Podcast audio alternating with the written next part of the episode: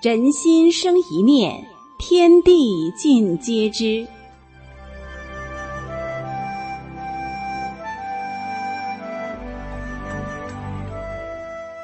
听众朋友您好，欢迎收听明慧广播电台《善恶一念间》节目。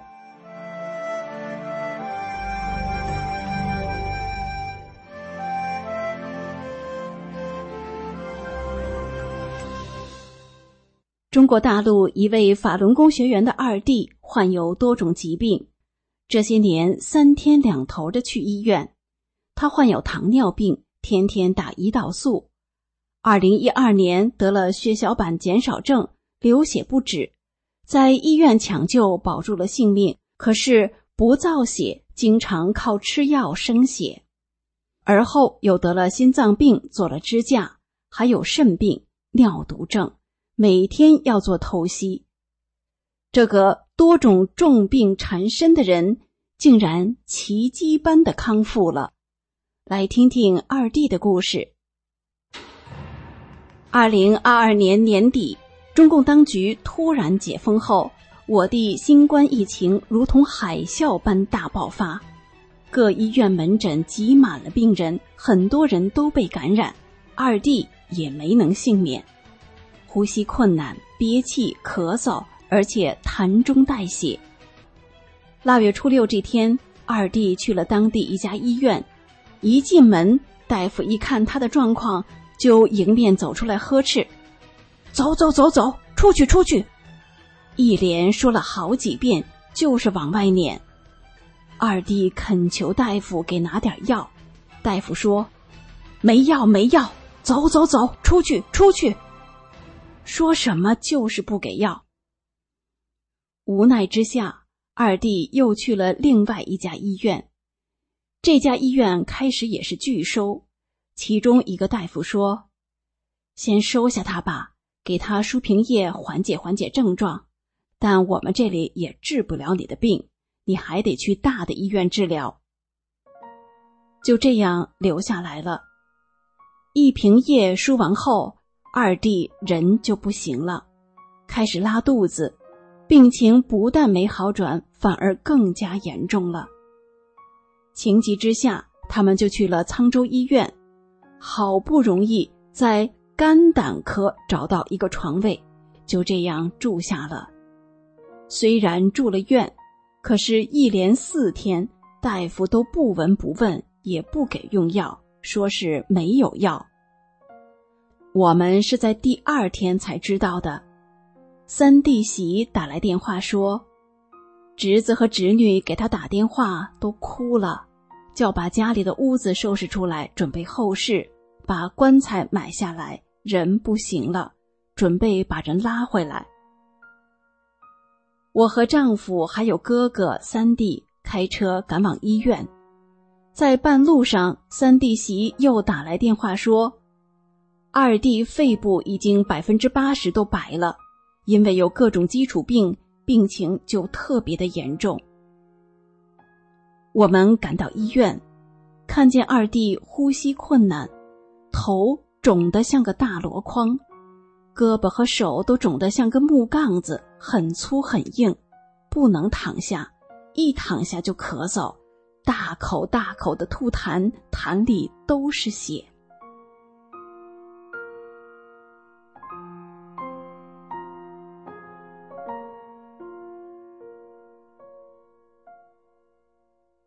二弟哭了，痛苦的说：“姐，我受罪了，太难受了。”我安慰他说：“别害怕，我平时告诉你的九字真言，你还记得吗？赶快念法轮大法好，真善人好，只有大法能救你的命，赶快跟着我念。你只要诚心诚意的真心去念。”就会出现奇迹的。我念一句，你念一句。二弟说他念不出来，我坚定的告诉他：“你能说话，你就能念。”二弟开始念起来：“我叮嘱弟媳和侄子侄女一起诚心敬念法轮大法好，真善人好。弟媳跟我要了一个大法真相护身符，赶紧给二弟戴上。弟媳也一遍接一遍的念九字真言。就这一会儿，奇迹出现了，就这么一个简单的动作，二弟竟然能躺下了。这之前是绝对不可能的事，奇迹，真是奇迹！大家一直揪着的心多少放松了一点儿。我第二次去医院，又带了几个真相护身符，弟媳给孩子们一人一个。我看到二弟的病情有明显好转，我每次去看他，发现他的精神状态越来越好。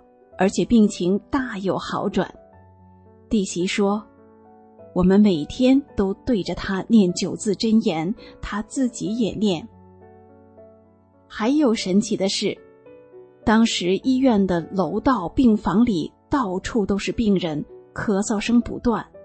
他们娘儿几个在那样的环境下，那么近距离的接触病人，竟然都没有被感染。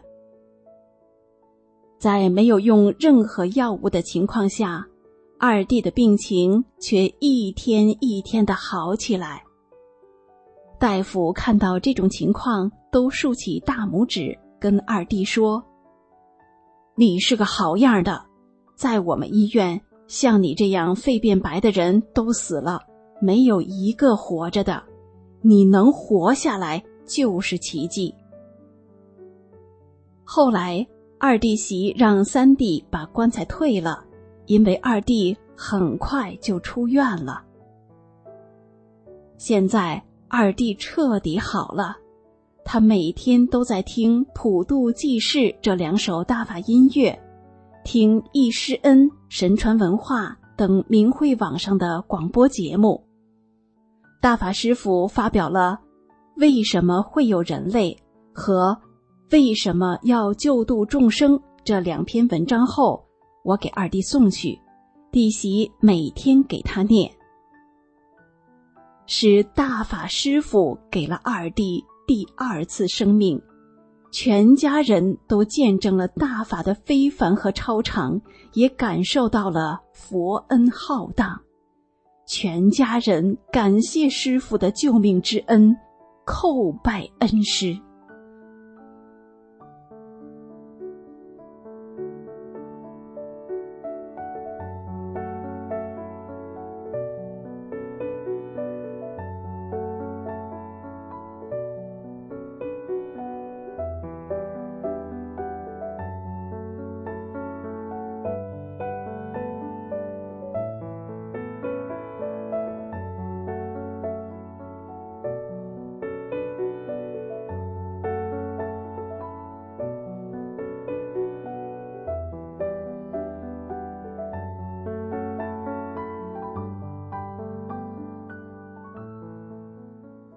常言道：“人命关天，人的生命确实和上天神佛有着关联。古代的人都有敬天地神明的一些故事，神佛的存在是真实不虚的。二弟起死回生的例子就足以证明这一点。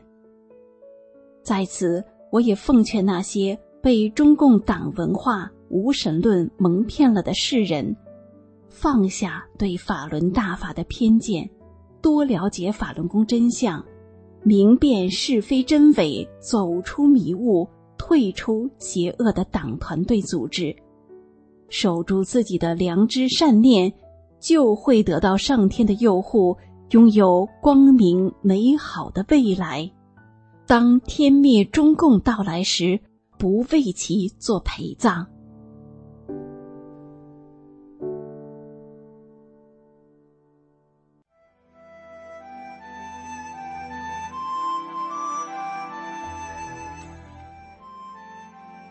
听众朋友，今天的善恶一念间就到这里，感谢您的收听。